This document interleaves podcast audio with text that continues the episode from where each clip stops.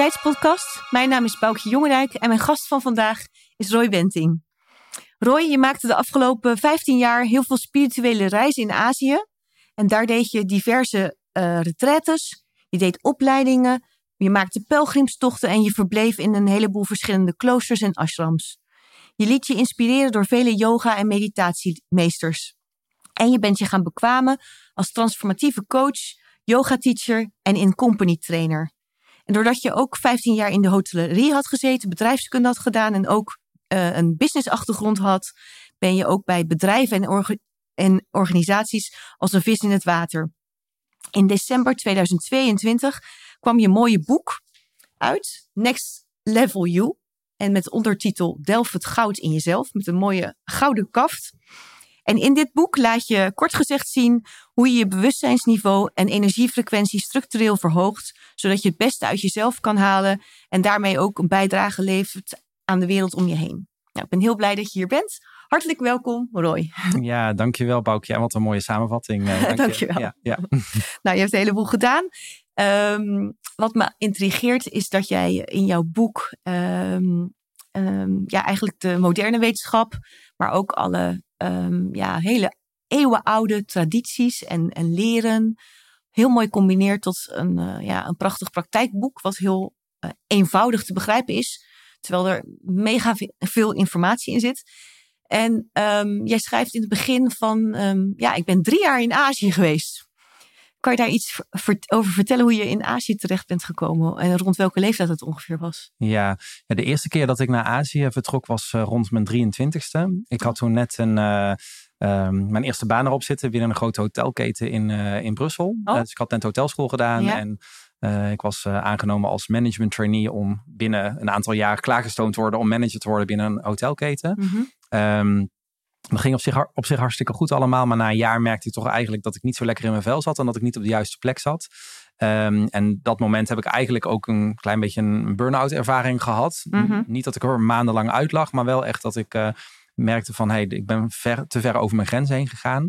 En toen ben ik eigenlijk heel erg gaan nadenken van wat, ja, wat wil ik nou eigenlijk en welke stappen wil ik maken. Mm -hmm. uh, en toevallig was er toen een vriend van mij uh, uit, uit Brussel uh, die net uit Azië terugkwam. En die vertelde allerlei mooie verhalen over hoe hij er had rondgereisd. En ook dat hij bepaalde mooie ervaringen had gehad in allerlei tempels. En dacht van hé, hey, dat, dat, ik voelde erg een, een aantrekkingskracht ontstaan. Mm -hmm. Dus ik dacht van ja, dat wil ik eigenlijk ook. Ik zou er graag naartoe willen. En daar had je nog niks mee, zeg maar? Was het helemaal nieuw voor jou? Ja, dat was eigenlijk helemaal nieuw voor mij, inderdaad. Ik had mm -hmm. er verder helemaal nog nooit iets mee, uh, mee gedaan. Uh, dus toen heb ik besloten om naar Azië uh, te vertrekken. Dus ik heb eigenlijk mijn baan toen binnen twee, drie maanden opgezegd. alles verkocht wat ik had. En um, ja, eigenlijk backpack ingepakt. Wow. Laatste spullen bij ouders neergezet. En toen ben ik gegaan. Uh, dus en wist ik... jij ook dat je zo lang wegging? Want wij gingen, even kijken, Vincent en ik zijn ook um, in begin twintig uh, op weer een jaar weggegaan. Ja. Maar wist jij dat je, want het is dan drie jaar geweest? Nee, ja, drie jaar in totaliteit, zeg maar, okay. over de afgelopen vijftien jaar. Mm -hmm. Dus op dat moment ging ik drie maanden. Oh, ja. um, en ik ben eigenlijk in de afgelopen vijftien jaar in sabbaticals, tijdens vakanties, um, soms in between jobs en één keer op een volledig jaar naar Azië geweest. En dat jaar was wel, nou, dat was eigenlijk was drie maanden gepland en werd uiteindelijk een jaar. Dus het is uiteindelijk veranderd. Uh, maar in totaliteit zijn alle ja, uh, de tijden dat ik als opgeteld bij elkaar in Azië ben geweest, is dus drie jaar. maar wel verspreid over een langere periode. Ja. Dus ik ben vaker heen en weer gereisd. Ja. ja, en wat heeft het je gebracht? Want je bent dan ook kennelijk ook nog een paar keer teruggegaan. Ja, klopt ja. inderdaad. Ja, nou, de eerste keer was eigenlijk. Um, ja, toen ging ik eigenlijk nog vooral om het Azië te leren kennen. En mm -hmm. deed ik een uh, kookcursus, een duikcursus. En onderdeel daarvan was ook een yoga cursus. Uh, op een eiland in Zuid-Thailand, Koh Phangan. En uh, mm. nou, dat kreeg als tip van een Deense dame die ik tegenkwam in de bus. Die zei, ja, naar die yogaschool, als je iets met yoga of meditatie wil. Want het was een soort van, mijn bucketlist van Azië, daar was yoga, meditatie was er onderdeel van. Zei, en ja, had je dus je ook daar... helemaal geen ervaring mee? Geen ervaring maar mee. Je wilde gewoon, dat je wist, dit heb je hier veel, dat ga ja, ik dit doen. heb je hier veel en dat wil, wil, ik gewoon ervaren. En nou, wil ik ook, uh, net zoals dat ik een kookcursus en een duikcursus ja, eigenlijk wilde ook duikleraar kunnen worden. ja, dat, dat had bijna gekund. ja, het is een andere manier van duiken, hè. duiken in jezelf. ja, heel mooi. Lekker delven. ja, ja. En nou, dus uiteindelijk naar de, haar tip opgevolgd en naar de yogaschool gegaan die zij aanbad, En dat bleek echt een, een, pareltje te zijn onder de yogascholen. Dus mm -hmm. uh, de, ja, daar heb ik een week lang op dat moment les gevolgd. Op dat moment lukte niet om het langer te doen. Um, maar ik voelde toen zo, zeg maar de eerste dag dat ik helemaal thuis kwam en ja, dat er gewoon zoveel energie in mezelf opende. En tijdens de eerste yogales rolden de tranen over mijn wangen. Dat ik echt zo voelde van jeetje, dit is zo kloppend en zo. Ja, en, en dus dat is voor mij een hele grote opening geweest van oh ja, wow, dit is, dit is wat yoga is. Ehm, en toen ben ik uiteindelijk uh, uh, ja, die yoga-stijl ben ik eigenlijk gaan volgen. Dus eigenlijk de houdingen die ik in die week heb geleerd, die bleef ik thuis beoefenen. Uh, dat waren er eigenlijk maar, echt maar een paar. Mm en toen ben ik uiteindelijk voor mijn bedrijfskundestudie, die ik toen daarna nog ben gaan doen, heb ik, een, uh, heb ik de helft van mijn master heb ik in India gedaan. En to, toen ben ik, dus dat, dat, was ik een deel voor bedrijfskunde, was ik in Azië. Maar aan het einde van die studie, toen ben ik uh, de Himalaya ingegaan. En toen heb ik een volledige maand van deze yoga-stijl gevolgd. Uh, en wat is de stijl, als ik vraag mag? Uh, dat, is, dat was bij Agama Yoga in Zuid-Thailand. en dat is eigenlijk een vorm van esoterische, tantrische hatha yoga. Zo, mm -hmm. zo formuleren ze het zelfs. en esoterisch, dat, dat gaat dus heel erg over dat, het, ja, dat ze dus eigenlijk teruggaan naar de oude wijsheden die achter yoga zitten. De Yoga Sutras van, van Patanjali, waar je ja. al naar verwees. Ja. Uh, het, uh, het tantrische deel gaat heel erg over de energieuitleiding. Ja. Dus dat, je, um, dat het niet zozeer gaat van je moet je, je teen net iets meer twee centimeter naar links of naar rechts zetten, mm. want dan sta je in de perfecte alignment. Nee, het gaat veel meer eigenlijk over de energetische alignment. Uh, en hoe je met bepaalde houdingen, klanken, ja, ademhalingen, eigenlijk je energetische anatomie een goede boost kunt, dus kunt eigenlijk geven. dan ook voor iedereen anders. Dus die, zijn die houdingen misschien ook minder formeel? Ja, het zijn minder formeel. Er, zijn wel, er zit wel een bepaalde structuur in. Maar het gaat, gaat er meer in dat je in de ontspanning blijft. En dat je vanuit daar ook kunt, uh, ja, kunt verdiepen in de houding. En het hatha-deel, dat gaat dus wel over... Um, ja, de ha, en ta staat voor zon en maan. Dus het gaat ook over de polariteit in jezelf in balans brengen met, met de verschillende houdingen. Mooi. Um, dus ja, daar uiteindelijk uh, les in gevolgd in, in, in, in, in de Himalaya. En toen had ik wel... Was ik, maar je had ook bedrijfskunde. Dus ja, het was, was wel... Ja. Want ik heb bij jouw hele verhaal heb ik steeds het idee dat jij uh, ja, je kan je heel goed uh, bewegen in de twee werelden. In de, ja, bedrijfskunde is natuurlijk een totaal ander verhaal dan, dan yoga. En dat heb je daar ook afgerond uh, in India, je bedrijfskunde? Ja, ja, ja dat, was het, er was een aantal keuzemodules die ik deed. Ik moest daarna nog wel mijn scriptie schrijven in Nederland. Maar in mm -hmm. principe was mijn bedrijfskundestudie in Nederland afgerond. En heb ik eigenlijk de laatste onderdelen in, in Zuid-India gevolgd bij, bij een business school. Um, en ik, dat, die business school was een ja, dat was, dat was een soort van holistische business school. Zo werd het geformuleerd. Dus ik dacht van wauw, dit, dit is wat... Hier komt wat alles ik, hier bij komt elkaar. Alles de, de, Oosterse wijsheden met Westerse bedrijfskunde. Mm -hmm. uh, maar ik kwam nog een klein beetje, best wel van een koude kermis thuis oh. toen ik daar uiteindelijk aankwam. Want het bleek eigenlijk een school te zijn wat gewoon eigenlijk een Amerikaanse dependance was van, van Wharton. Mm -hmm. Dus een Wharton School of Business. Dus het was uiteindelijk best wel een, een hele harde business school. Mm -hmm. uh, en ze gaven wel toevallig yogales op de school. Maar dat was het enige spirituele wat ik heb kunnen ontdekken.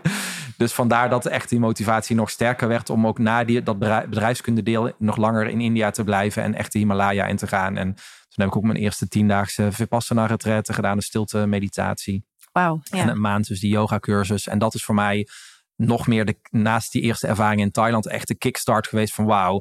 Ik was en klaar met bedrijfskunde en ik had al die kennis. Ik dacht van jeetje, die twee werelden, die, die mogen samenkomen. En um, ja, daar ben ik toen eigenlijk gaandeweg eerst mezelf in beide kanten meer gaan verdiepen en aan de slag gegaan. En ja, in de loop van de jaren zijn die, zijn die twee werelden steeds meer samengekomen in de dingen die ik ben gaan doen. Ja, dat vind ik grappig, want je had ook uh, helemaal linksaf of rechtsaf kunnen gaan, hè? Ja, ja. Wat maakte dat je het wilde combineren? Ja, ja goede vraag. Ik, voor mij was het eigenlijk, um, ja, ik voelde gewoon eigenlijk dat, dat al die kennis die ik daar tot me had gekregen en alles wat ik daar had mogen mm -hmm. leren. Dat ik dacht van ja, dat is heel mm -hmm. mooi om dat hier op een berg in, in de Himalaya te leren. Maar ik wil dat juist de, de westerse wereld ook in, inbrengen. Juist ook met alle ervaringen die ik zelf had binnen organisaties en bedrijven. Dat ik dacht van ja, daar lopen mensen tegen zoveel uitdagingen aan. En zoveel mensen zouden hier zoveel baat bij kunnen hebben. Dus was eigenlijk een hele grote drive in mezelf om dat ook te willen delen. Dus ook een missie eigenlijk, in, ja. In een andere context, zeg maar. Dus ik heb toen echt in de Himalaya, heb ik op een gegeven moment ook met een, met een, uh, een vriendin op dat moment uitgesproken dat mijn intentie is om die twee werelden aan elkaar te verbinden. En die is eigenlijk, ja, zeg maar 15 jaar later, is die oh, nog wow. steeds hetzelfde. Um, hij heeft andere vormen gekregen, maar de basisintentie is toen eigenlijk daar gezet. En daar ben ik eigenlijk ja, gewoon continu mee aan de slag gebleven. Ja. Dus, uh, Heel ja. mooi. Nee, en ik denk ook wel eens van, uh, de meeste mensen maken een keuze, linksom of rechtsom. En ik denk ook uh, dat het met die kennis en dan toepassen in de westerse wereld dat het best nog ook wel uitdagend is. Want ik vind het ook altijd wel, kijk, als je helemaal terugtrekt op een berg, kan me voorstellen dat het eh, ik heb het niet gedaan, dus ik weet niet, ik kan er niet moeilijk over praten. Maar ik kan me voorstellen dat je dan, dan die, die ervaring heel puur krijgt. Maar het is ook wel interessant om met die ervaring die je dan al daar hebt opgedaan, vervolgens wel in de, nou ja, zeg maar de hectiek en, en de, de, de westerse wereld en, en uh, dat te gaan, zelf te gaan proberen. En het is ook heel tof dat je het wilt delen met andere mensen. Want eigenlijk is toen 15, 15 jaar geleden jouw, jouw, jouw missie ontstaan. Ja, ja, klopt inderdaad. En een van mijn leraren zei toen van als je denkt dat je verlicht bent, ga dan naar huis. Oh. dus, dus juist zeg maar als je al die mooie ervaringen hebt opgedaan en dieper bent kunnen gaan in yoga en mhm. meditatie. Ja, dan voelt dat, eh, zeker als je dan op een berg in de Himalaya zit. Ja, die momenten heb ik ook gehad dat je weet je dat alles helemaal open en helemaal puur mhm. en helemaal mhm. super kristalhelder is. En juist op dat moment, ja, als je dan beseft van nou, eh, als je dan weer geconfronteerd wordt met de uitdagingen van eigenlijk het ja. normale westerse leven. Ja, dan is het juist de uitdaging van hoe houd je dan alles wat je daar geleerd hebt ook eigenlijk in stand. En of, of hoe ga je het toepassen en daarin meebewegen, zodat je er ook op, een goede manier, goede manier vorm aan kunt, uh, kunt geven. Dus dat, die quote van die leraar, die blijft me wel altijd, uh, altijd bij. Dus, ja, uh, ja, ja. En um, je hebt natuurlijk een heleboel leraren gehad. Is er eentje die er specifiek voor jou uit is gesprongen? Dat je zegt, nou ja, deze quote dan, maar ook nog iemand die, die um, ja, vanuit een andere hoek jou, jou uh, echt uh, een zetje heeft gegeven de goede richting in? Ja, nou ja, er zijn meerdere leraren geweest die, die allemaal op verschillende fronten hebben geïnspireerd. Mm -hmm. Sommigen zaten veel meer op de energie, sommigen meer op emoties en psychologie. Um, uh, ik heb zelf ook ben een aantal keer bij Sadhguru geweest. Mm -hmm. die, die heeft in Zuid-India ook een, een ashram, daar ben ik een paar keer geweest. Um, en een aantal programma's van hem ook gedaan. En ik vind het gewoon, hij is, ja, in India is hij echt een, een grootheid. En hij heeft ook in Amerika en zo doet hij echt heel veel. Um, maar ik vind het gewoon magisch om te zien wat hij daar in India heeft neergezet eh, qua yoga gemeenschap. En, en hoe hij dat ook echt, zeg maar, verbindt aan um, waardevol zijn voor de maatschappij. En dat ook verbindt aan bedrijfsleven en politiek. Ja, dat is wel echt een hele, dat is ook wel, hele inspiratie. Next, next level leraar. Ja. Uh, een van mijn andere leraren in, uh, in, in India, die, die vrij helderziend en, en open is, die zei van nou, dit is op dit moment een van de mensen in de wereld die echt gewoon heel vooraanstaand is qua wat, wat ze op de wereld komen brengen. Uh, maar dus, die verbindt het dus ook met, met bedrijfsleven en met, ja. ja. Ja, die geeft ook les binnen organisaties ja. of politieke organisaties. En dus dat is voor mij wel echt een inspiratiebron geweest om te zien van, hey, hoe doet hij dat? Hij doet het weer op een hele andere manier dan dat ik het doe, maar, maar wel mhm. het feit dat hij het doet en dat hij daar zo, ja, vooraanstaand in is, dat, dat heeft me wel geïnspireerd. En ook uh, mijn leraar Prem Baba, dat is een... Um, uh, Leuk naam. Uh, ja, Prem staat eigenlijk voor, voor liefde. Dus een vader ja. van de liefde gaat het eigenlijk over. Zijn beweging heette ook, op dat moment dat ik het volgde, heet het Awaken Love. Dus ik heb een aantal dingen bij hem in Brazilië gedaan en ook in, in India. En daar ging het eigenlijk ook heel erg over dat je, um, ja, om, om meer naar het licht te kunnen bewegen, dat je ook je eigen schaduwkanten goed moet leren kennen. Want soms dan gaan we zo in een yoga houding en zo in een flow. En dat kan als het ware ook een beetje een spiritual bypass worden. Ja, dat je denkt van ik doe even mijn ogen dicht. Ja, dus al, al die ne negatieve alle... dingen, zeg maar, of dingen die ik niet meer wil zien van ja. mezelf, die zijn er niet meer. Dus ik ga eigenlijk alleen maar uh, ja, allerlei methoden en technieken doen, waardoor ik helemaal uh, alleen. Ja, dat, dat, en dat ervaar je dan ook, hè, dat, dat dat veel ruimte en lucht geeft mm -hmm. in jezelf. Alleen het kan ook zo zijn dat ja, dat er nog wel schaduwkanten zijn of bepaalde aspecten die in jezelf nog niet helemaal ja, grond zijn of helemaal getransformeerd zijn. Um, en, en die houden je vaak ook weer terug Vast, zeg maar, om ja. verder te kunnen gaan.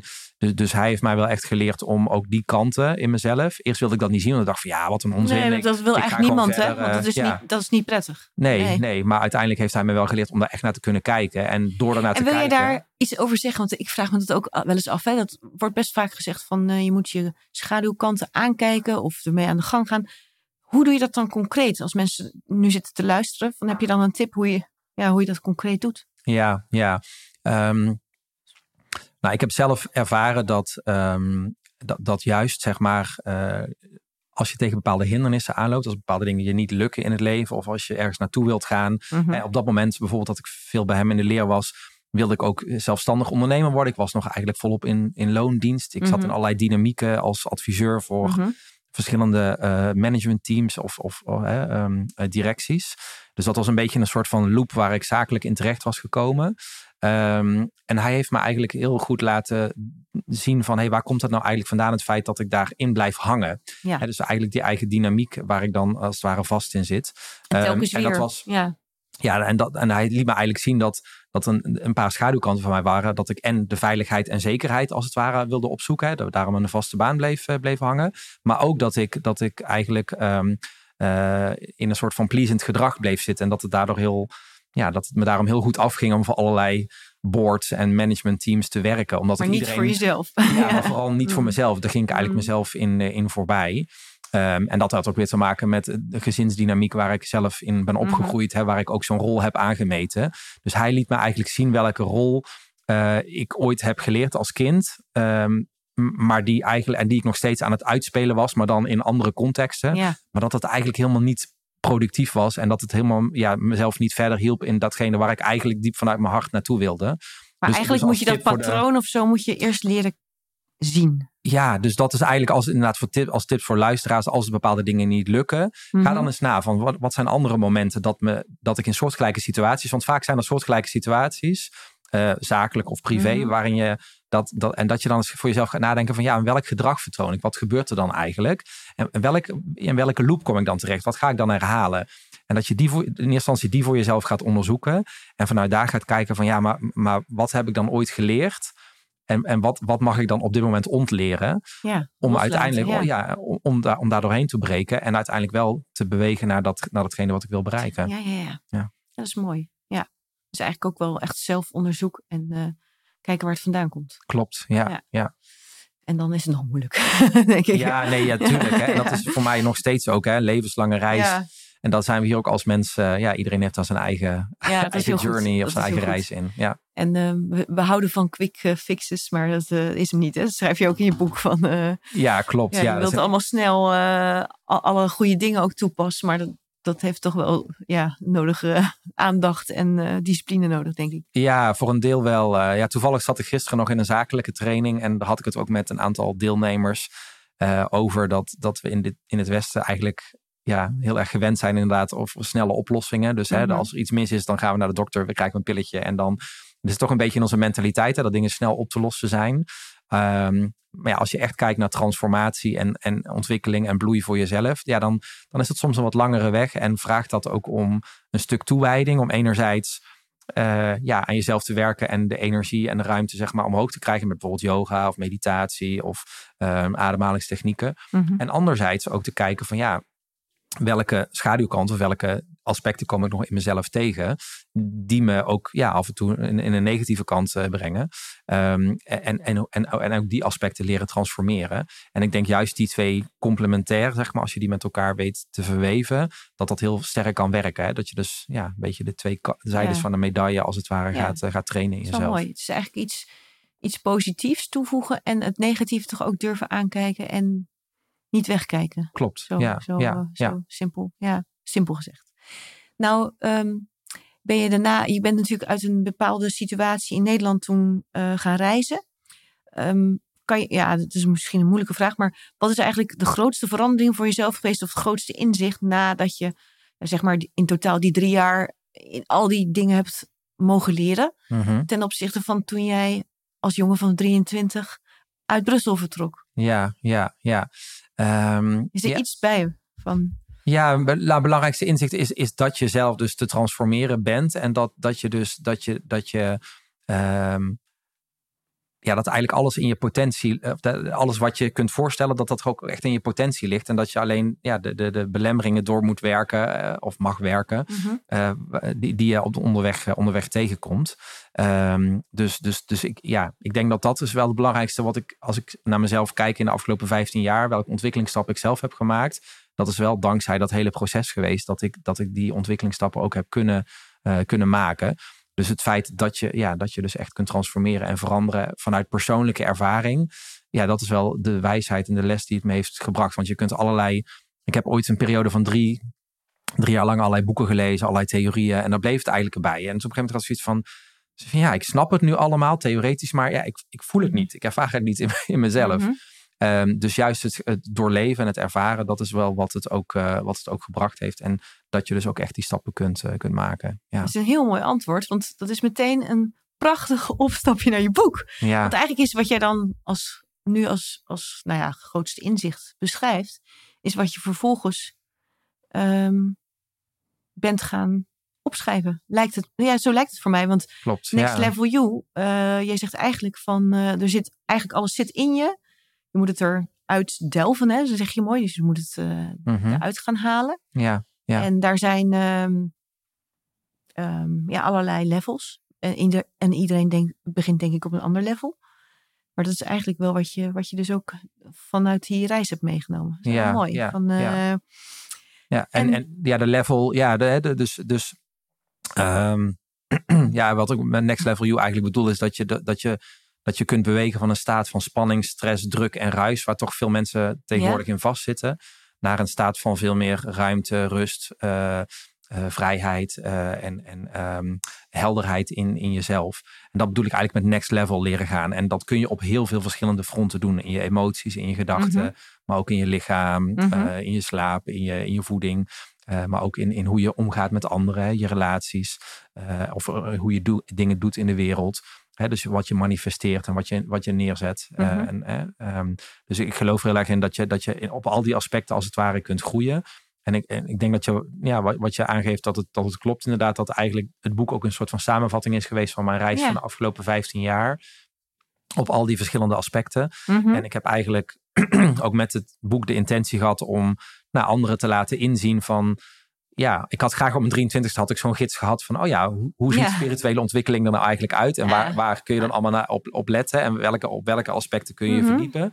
Um, want ik ben toen ook zelf gewoon gaan leren en gaan zoeken. En uh, ja, en ik, ik, ik, ben zelf ook uh, vanuit mijn bedrijfskunde vrij conceptmatig bezig en, en denken veel in modellen. Maar je hebt wel het geluk ook gehad dat je dat uitstapje, dat, dat door die vriend, dat je dat uitstapje hebt gemaakt. Ja, klopt. Anders was ja. ik misschien uh, helemaal ja, niet daar. Niet, ja. ja, ja, maar goed, ik geloof ook wel een beetje in. -hmm.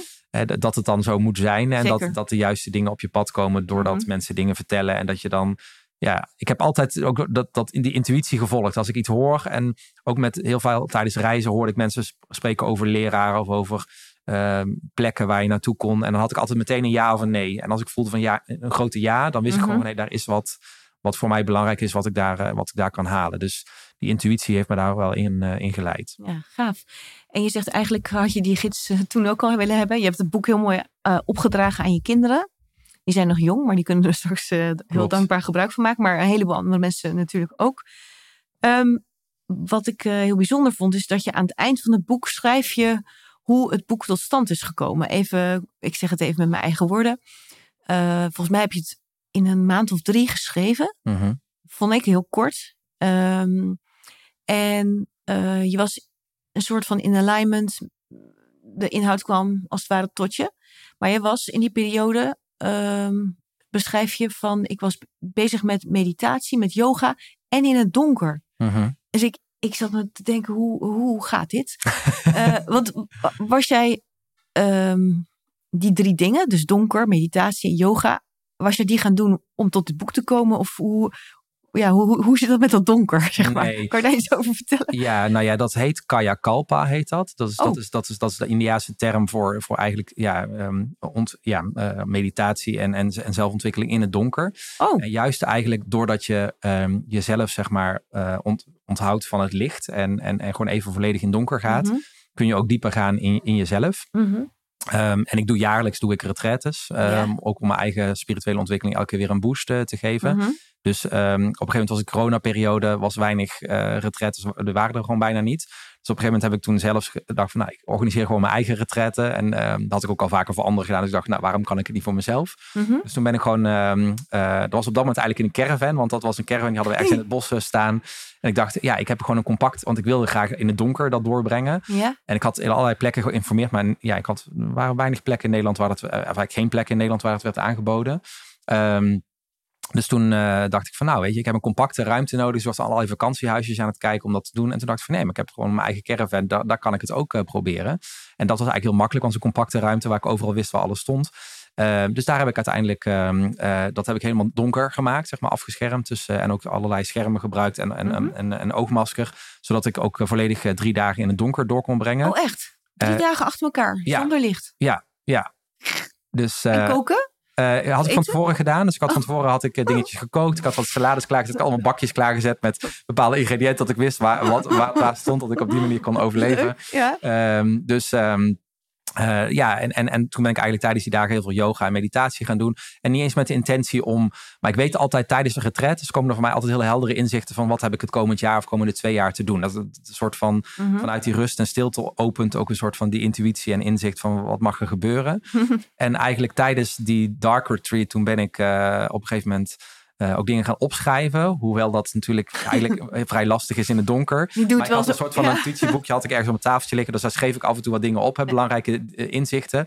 En die kon ik achteraf wel teruglezen. Te, ja, maar, best moeilijk te lezen. Het stond allemaal zeg maar, door elkaar gekrabbeld. Maar ik kon er uiteindelijk nog wel wijs uit. Mm -hmm. En toen is uiteindelijk daar, ja, in de loop van dag 2, 3. Uh, toen kwam er een heel helder inzicht van ja, wat wil ik nou eigenlijk brengen naar de wereld en wat is de essentie daarvan? En toen kwam er eigenlijk een heel helder inzicht van, nou, zo komt dat eigenlijk allemaal samen en op dit niveau. En toen ontstond ook de term van next level you, even een volgende stap maken in jezelf.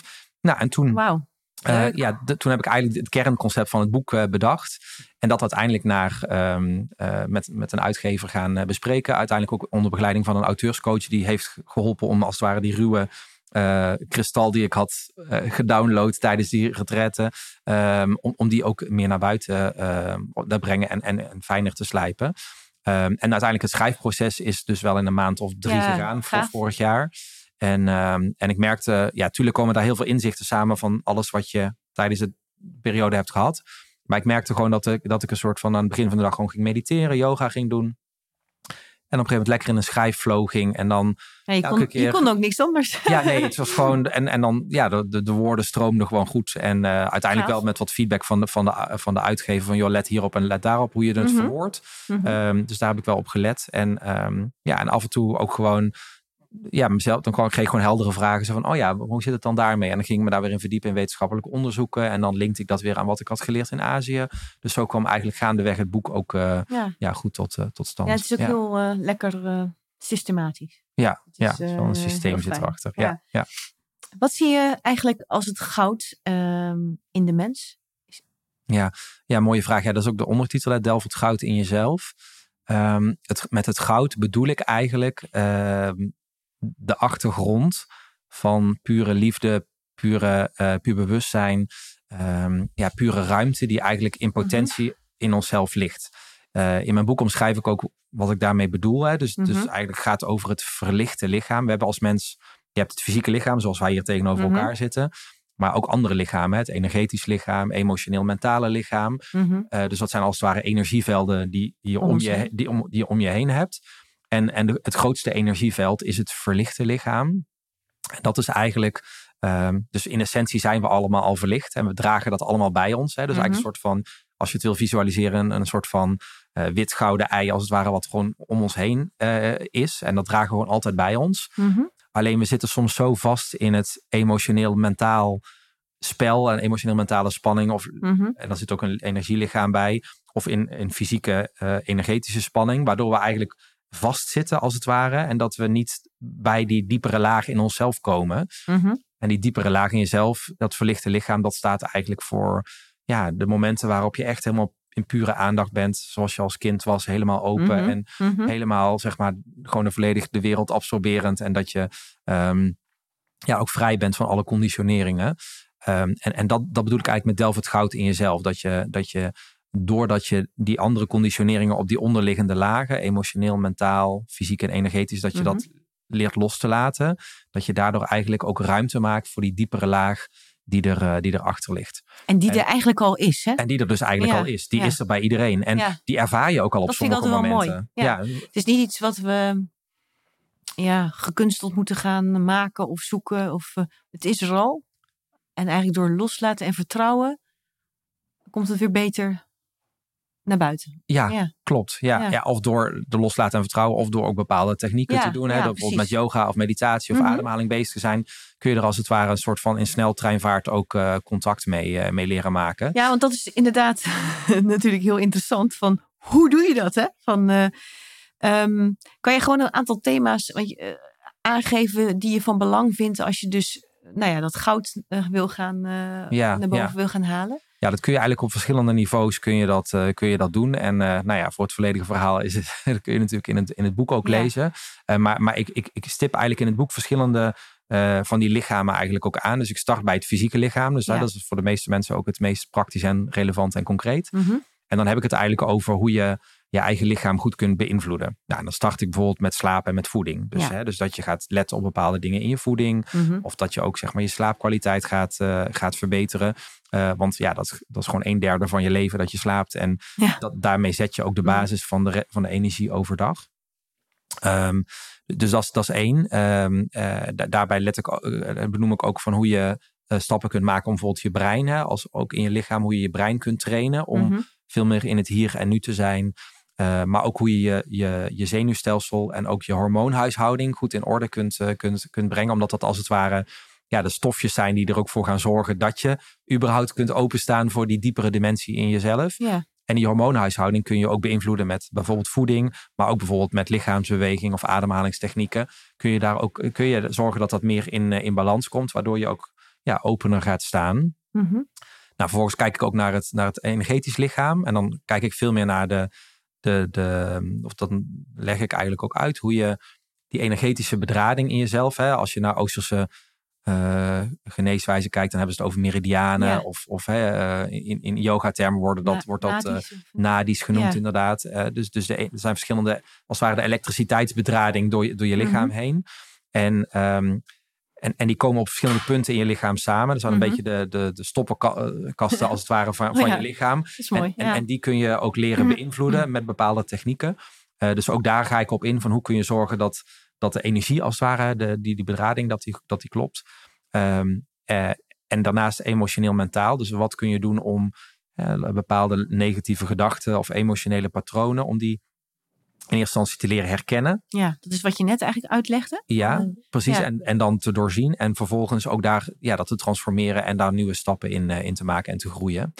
Eh, dus dat gaat heel erg eigenlijk over de binnenwereld. Mhm. En, en eh, door die aspecten door te maken, of door, door op al die fronten te werken, kun je dus ook veel meer dat, ja, die, die diepere laag van het verlichte lichaam ook veel meer openen.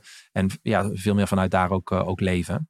Ehm, en de laatste deel van het boek gaat eigenlijk veel meer over de buitenwereld. Van als je dat dan binnen jezelf meer en meer hebt gedaan, hoe breng je dat dan ook naar buiten in, in, in je relaties, in hoe je omgaat met, met anderen? Hoe breng je dan die liefdevolle wijsheid die je Mhm. dan in jezelf hebt gecultiveerd, hoe breng je dat ook naar, eh, ja, naar anderen toe? Hè? Hoe sta je compassievol in relaties, zakelijk en privé, bijvoorbeeld? Ja, en dat, dat onderwerp komt dus wat later in je boek. Dus Ja. zeg je daarmee ook van, het is eigenlijk wel belangrijk dat je eerst zelf eh, ehm, ermee aan de gang gaat. En dan ehm, ja, kan je dus ook beter meer brengen naar de buitenwereld. ja dat, nou ja, dat, dat, ik denk dat sowieso dat Ja, het daar wel mee, mee start. En, en het is natuurlijk ook zo binnen, zo buiten. Hè? Dus ja, als dat je het, komt ook veel in je boek. Ja, ja. dus als, als je het in je binnenwereld leert te veranderen, dan verandert eigenlijk je buitenwereld vanzelf mee, is mijn ervaring. Mhm. Want als jij met beperkte perceptie en bepaalde denkbeelden of overtuigingen naar situaties kijkt, ja, dan ga je die situatie mee vormen. Terwijl het als je die leert om te buigen, ja, dan verandert die, die buitenwereld vanzelf mee. Dus ik geloof erin dat die echte verandering, die start gewoon echt Ja. van, van binnen. Ja. Ja, maar kan je dus je, je omgeving ook helpen en beïnvloeden. Op, Ja. een, op een goede manier. ja, klopt. Ja, ja, het is heel mooi. Van, en dan, eh, dat is dan, heb je nou eigenlijk, eh, we zeiden net in het begin van het structureel verhogen van je bewustzijnsniveau en je energiefrequentie is eigenlijk key. Hè? Dat is eigenlijk gewoon heel belangrijk. Mhm. Ehm, wat is dan het bewustzijnsniveau in dit verhaal? Van, is dat dan dat mentale aspect? Of hoe moet je dat zien? Eh, nee, het bewustzijnsniveau is eigenlijk aandacht. Hè? Dus Ja. dat is eigenlijk, met het bewustzijnsniveau bedoel ik eigenlijk wel die diepere laag, zeg maar, dat verlichte lichaam als het ware. Ehm, maar dat is eigenlijk dus, dus ja, gewoon het aandacht, de aandacht voor het hier en nu, er volledig zijn. Bewustzijn van jezelf, maar ook bewustzijn ja, van de hogere energie en, en het, het openen van die energie, maar ook bewustzijn van die schaduwstukken die er als het ware nog, nog zijn. En dat doe je door, door je aandacht structureel te vergroten en, en, en, en jezelf meer en meer te openen. Oh ja, Ehm, Dat is dus, mooi, dus ja. ja, ja, dan snap ik hem. En, eh, en de energiefrequentie eh, te verhogen, dat kan je dus met allerlei adem, dat kan je met technieken doen. ja, ja Met- klopt met- inderdaad. Ja, Met, medita ja, met, met meditatie, met, met ademhaling en dat soort eh, dingen. Ja, en yoga eh, Ja. technieken. Ja. Ja. Ja, dan kun je die, eigenlijk die stoppenkasten als het ware, die, de verschillende chakras zeg maar leren kijken van hey, welke fittings kan, waar kan ik aan draaien om te zorgen dat die energie beter in balans komt. Hè? Dus dat je uh, bepaalde hindernissen en blokkades die soms energetisch vastzitten. Mhm. Je kunt het een beetje zien als uh, uh, als je gootsteen verstopt zit, zit hè, dan moet je dat ook even goed doorspoelen. Ja, ja. Dat is eigenlijk ook wat je met yoga en met meditatie, op, met sommige meditatietechnieken en, en yoga-technieken doet. Dus dat je als het ware zorgt dat die, ja, dat, dat al die energiebaantjes zeg maar weer goed doorstromen en dat eventuele hindernissen of blokkades die erin zitten, dat die ook losgelaten worden, zodat die energie gewoon beter kan, kan stromen. En, en, en daarmee ja, creëer je eigenlijk de setting om ook gewoon ja, volledig uh... ja, jezelf meer te openen en je stukken beter te zien en die ook te transformeren en, en, uh, en ja, te helen. Ja. Uh, ja. Mooi, mooi uitgelegd. En is er dan volgens jou, Roy, altijd een next level? ja, ik denk voor ons als mens zeker, zeker ja? wel.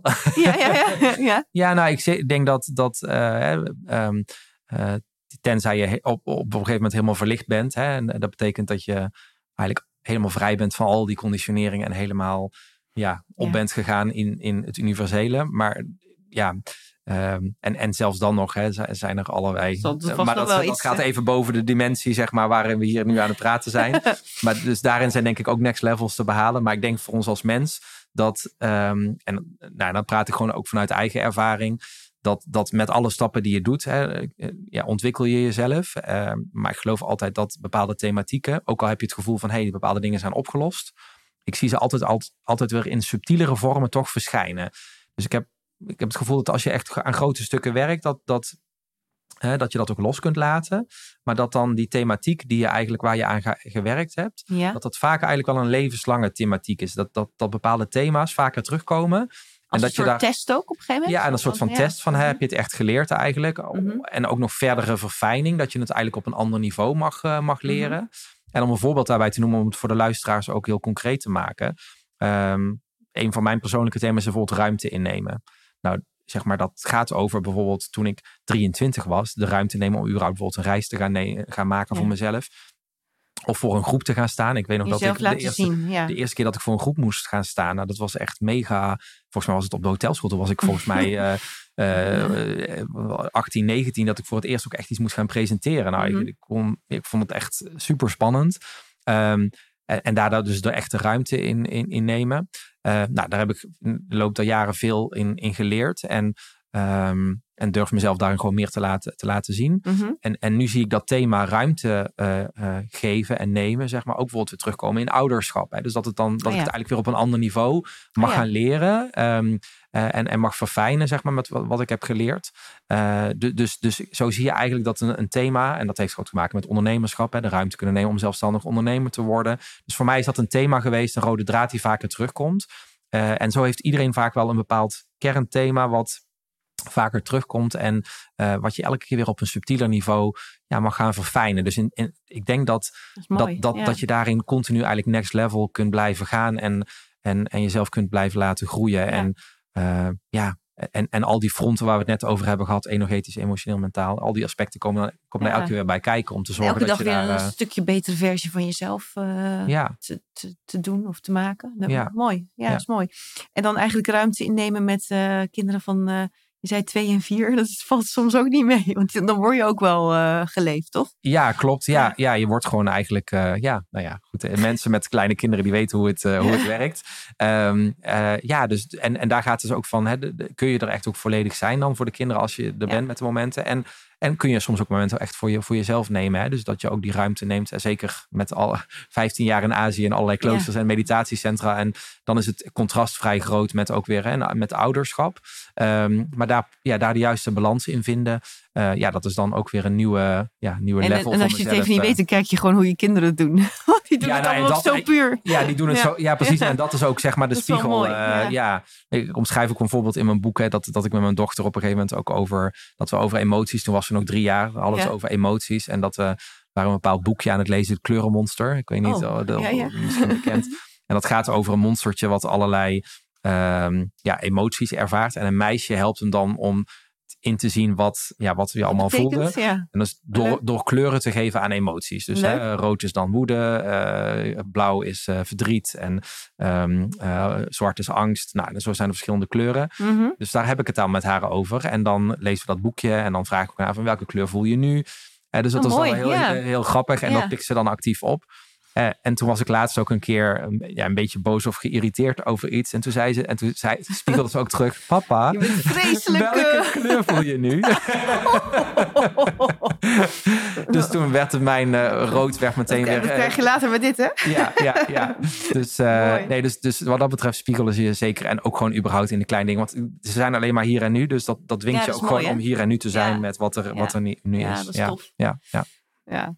Nou heb je een heel mooi boek gemaakt voor, voor mensen zelf. Hè? Voor, dus voor je eigen persoonlijk leiderschap. Maar eigenlijk heb je het ook gemaakt, of zie ik er ook veel in terug, dat je het kan toepassen in je bedrijf of in je organisatie of bij je personeel. Of, uh, um, wat is dan belangrijk voor een, eigenlijk voor een organisatie om next level te gaan? Ja, niet, niet elk thema, maar wat vind je daar het belangrijkste van? Als, ze dat, als, als een organisatie denkt, hé, hey, ik vind dat wel wat. Mhm. We zouden wel een stapje hoger. Wat, wat is dan een van de belangrijkste items? Ja. Of is dat per bedrijf heel anders?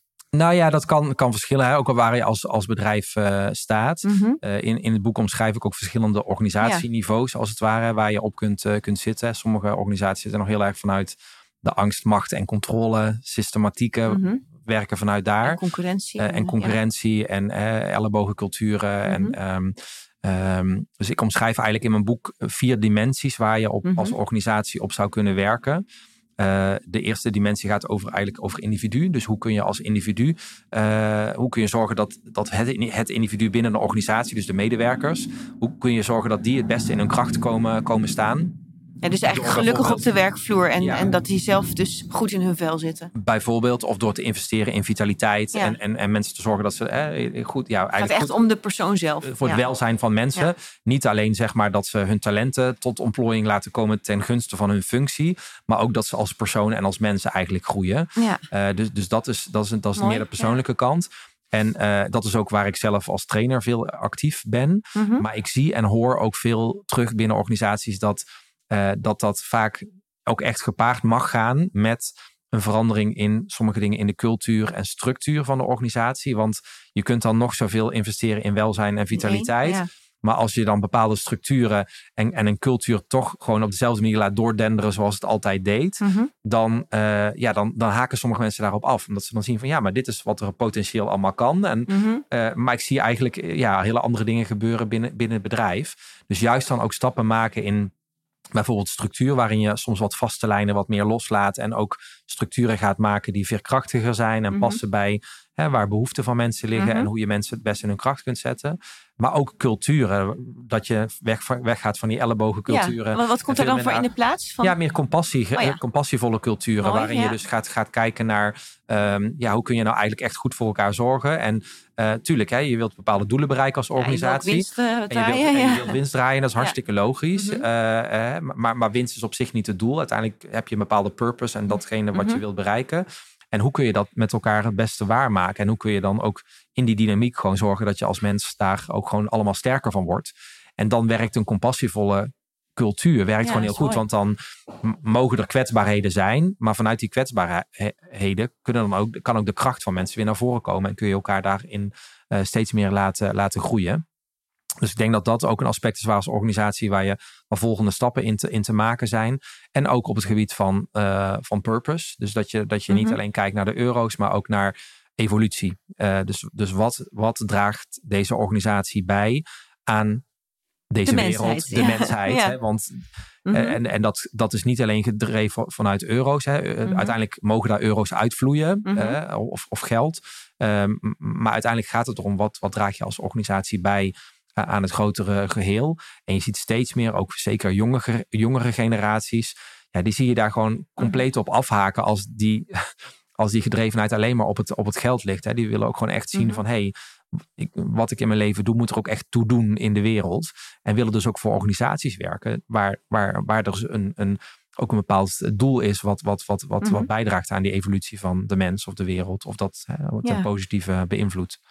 Als ik zo naar je luister, dan, was, ja, dan denk ik van, dan is het voor een bedrijf ehm, vooral belangrijk dat ze überhaupt next level willen gaan. Mhm. Want dat is, kan ook best spannend zijn als je uit een, eh, nou ja, een traditionele cultuur komt. Ja. Dus nee, ik vroeg net van wat is dan het belangrijkste, maar ik zit even te denken van, volgens mij is het dan al heel belangrijk dat je überhaupt eh, ermee iets wil gaan doen of het wil gaan onderzoeken. Ja, klopt. ja, ja. Nou ja, en, en dat is de vraag. Hè, want ja, bij sommige managementteams of boards is dat besef niet, nog niet aanwezig. Nee, en ik denk dat jij gevraagd wordt bij de juiste organisaties die er voor openstaan. En die, die er voor openstaan of er voor open gaan staan. Hè, die wel voelen van hé, hey, er wat verandert wat en we willen er wat, wat mee. Uh, ik zie vaak eigenlijk dat ik. Um, ik word vaak tweeledig gevraagd. Dus enerzijds door organisaties die eigenlijk heel bewust verzuim willen reduceren of burn-out willen voorkomen. Dus dan word ik veel uit, ja, meer vanuit die vitaliteitshoek ingeschoten om, om te zorgen dat, hè, dat, dat er uiteindelijk dat, dat mensen Ehm, ja, ook, ook, goed voor zichzelf gaan, uh, gaan zorgen. Ja, dat kost uiteindelijk ook veel geld als mensen uitvallen. ja, ja. ja, kost, ja zo'n gemiddelde burn-out kost een organisatie van 60.000 uh, euro. Mm -hmm. dus, dus ja, voor een organisatie om te voorkomen dat dat gaat gebeuren, dat, heeft, dat, ja, dat, dat is ook gewoon uh, waardevol. Ja. Dus dat zijn soms vragen die ik krijg, maar ik krijg ook soms vragen om juist zeg maar meer wat kunnen we doen voor de welzijn van, van de medewerkers en hoe kunnen we daar optimaal in investeren? En je ziet dat een aantal grote organisaties daar wel echt heel veel stappen al in maken. Maar je ziet ook nog organisaties die daar ja, compleet zoekend in zijn of daar nog helemaal niks in doen. Uh, dus ik geloof dat er echt nog een grote ja, wereld wel, uh, Voor wel jou wel heel leuk. Dat er is nog veel, uh, ja. veel te winnen en veel te ontdekken. Ja, klopt. Mooi. Ja, ja. Um, ik vind jouw boek heel fijn, want je hebt ook, uh, je zegt net terecht ook van je kan, uh, je hebt heel lang gelezen. Je kan allerlei boeken tot je nemen en dingen luisteren. Maar uiteindelijk gaat het er ook om dat je zelf de stap gaat zetten. Mm -hmm. Dus je hebt eigenlijk van de tien thema's, uh, variërend van je lichaam, energie, emoties, aandacht, waar we het net over hadden, heb je challenges. dus uitdagingen en ook weer op verschillende levels. Van je kan nou ja, het helemaal gaan proberen of je kan voorzichtig een stukje proberen. Mm -hmm. Um, als je zou moeten kiezen, als je er maar één mocht kiezen, wat zou wat jou betreft de meest impactvolle uh, challenge zijn om mee te beginnen? Als je dus niet eh, de volgorde zou doen en je zou dit boek krijgen, je zou iemand zeggen je mag er maar één. Je mag er maar één, ja. één van de tien challenges. Ja. Uh, ja, dan, dan is mijn, uh, een van mijn favorieten is wel echt energiemanagement. Dus dat gaat okay. veel meer over uh, die energetische bedrading. Ik um, ook aan Tony Robbins denken. Die zegt alles is energie. En, uh, ja, ja, ja. Ja, want uiteindelijk als je daarin dingen leert te shiften, dan, ja. dan verandert vaak die emotie en de gedachte. En je lichaam verandert vanzelf mee. En daarmee verander, kom je meer in verbinding. En zo binnen, zo buiten, zo verandert die buitenwereld mee. Dus, en, en voor mij vanuit yoga perspectief is dat ook waar eigenlijk mijn persoonlijke reis de grootste ja, evolutie mooi. heeft genomen, zeg -hmm. maar. Dus dus daar ligt mijn persoonlijke voorkeur. Uh, maar ik merk ook bij trainingen en organisaties dat, um, ja, dat soms mensen juist een andere aanvliegroute, die willen toch eerst wat rationeler, beter begrijpen.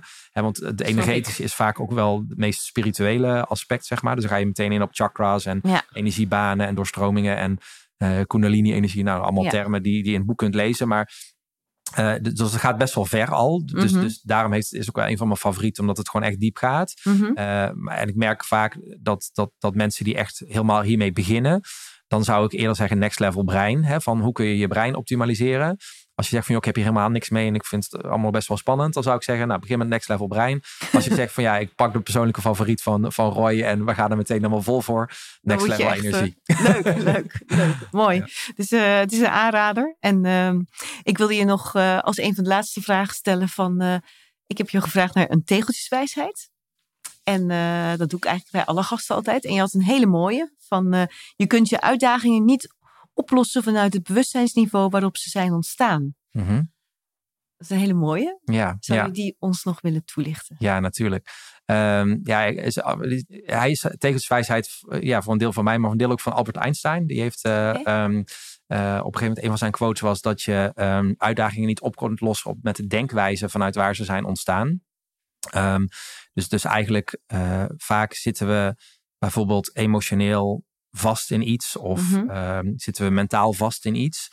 Uh, en dan kunnen we daar proberen nog meer in emotie te blijven hangen en nog meer te voelen. Of we kunnen proberen dan nog meer daarover na te gaan denken. Maar door eigenlijk in diezelfde modus te blijven hangen, kom je vaak niet verder. Mm -hmm. He, vanuit die verschillende lagen die ik ook in mijn boek omschrijf, mm -hmm. is het soms nodig om bijvoorbeeld vanuit de energetische laag of vanuit de fysieke laag of juist vanuit die verlichte laag, om da daar dingen te doen, zodat dat als het ware, dat dat systeem een klein beetje wordt opengebroken en dat je dus ook um, vanuit een andere kijk, zeg maar, tegen die uitdaging aan kunt kijken. Dus hè, je, je bepaalde mentale um, uitdaging die los je niet op door er nog harder over na te gaan denken. Nee, die los je misschien op door even flink in je lijf te gaan, goed te gaan ademen.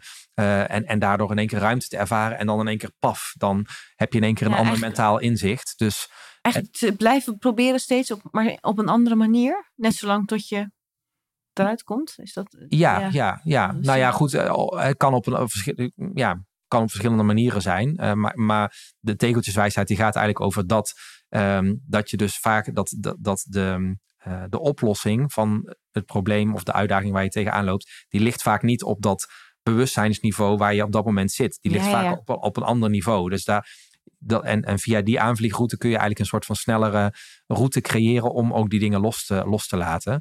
Uh, ja, door in je lichaam te gaan of door met je energie aan de slag te gaan. En, dat en dat helpt vaak ook om gewoon een shift, uh, shift te kunnen maken. mooie spreuk, ja. Dankjewel. Dan tenslotte, Roy, van als mensen uh, graag met hun bedrijf of, of persoonlijk of met een cursus of met jouw app, want er hoort ook nog een mooie app bij jouw boek. Klopt. Waar kunnen ze jou vinden? Ja, uh, ja, gewoon via mijn website roywenting.com. Ja. Dus uh, daar staat zowel het boek op, uh, link ook naar de app en um, ja, naar al mijn verschillende trainingen. Um, dus ja, ja, dat is eigenlijk de belangrijkste en, ingang. En ik, en ik heb op social media heb ik verschillende kanalen, gewoon op mijn naam eigenlijk. Ja. ja. Heb je zelf nog voor de komende tijd een next level waar je helemaal op gaat toeleggen? Of uh, ga je gewoon lekker door met alles wat je doet? ja, uh, nou ja, ik ben op dit moment met Next Level manifesteringen, uh, manifestaties uh, wel, wel bezig. Ik had het toevallig over bij binnenkomst over een aantal dingen waar mm -hmm. ik ook ja, gewoon in de privésfeer naar aan het kijken ben. Om te kijken van, joh, hoe, ga ik een aantal, aantal, dingen in mijn leven goed organiseren voor de toekomst, ook voor mijn kinderen. dus daar wil ik ook zelf Next Level nog in gaan. Ja, leuk. Ja. Nou, hartelijk bedankt voor je mooie positieve verhaal. En leuk je te ontmoeten. Dankjewel. Ja, dankjewel. En dankjewel voor je uitnodiging en fijn hier te mogen zijn. En uh, nou ja, voor je mooie ja. voorbereiding en fijne gesprek hier. Dus, dankjewel. Dankjewel, Roy. dankjewel. Bedankt voor het luisteren. Wil je meer inspiratie en een vleugje positiviteit van de mooie gasten die ik interview? Abonneer je dan op het kanaal waar jij het liefste luistert op de Positiviteitspodcast. Ook op mijn website boukjejongerijk.nl kun je alle afleveringen terugvinden. Fijne dag en tot over twee weken.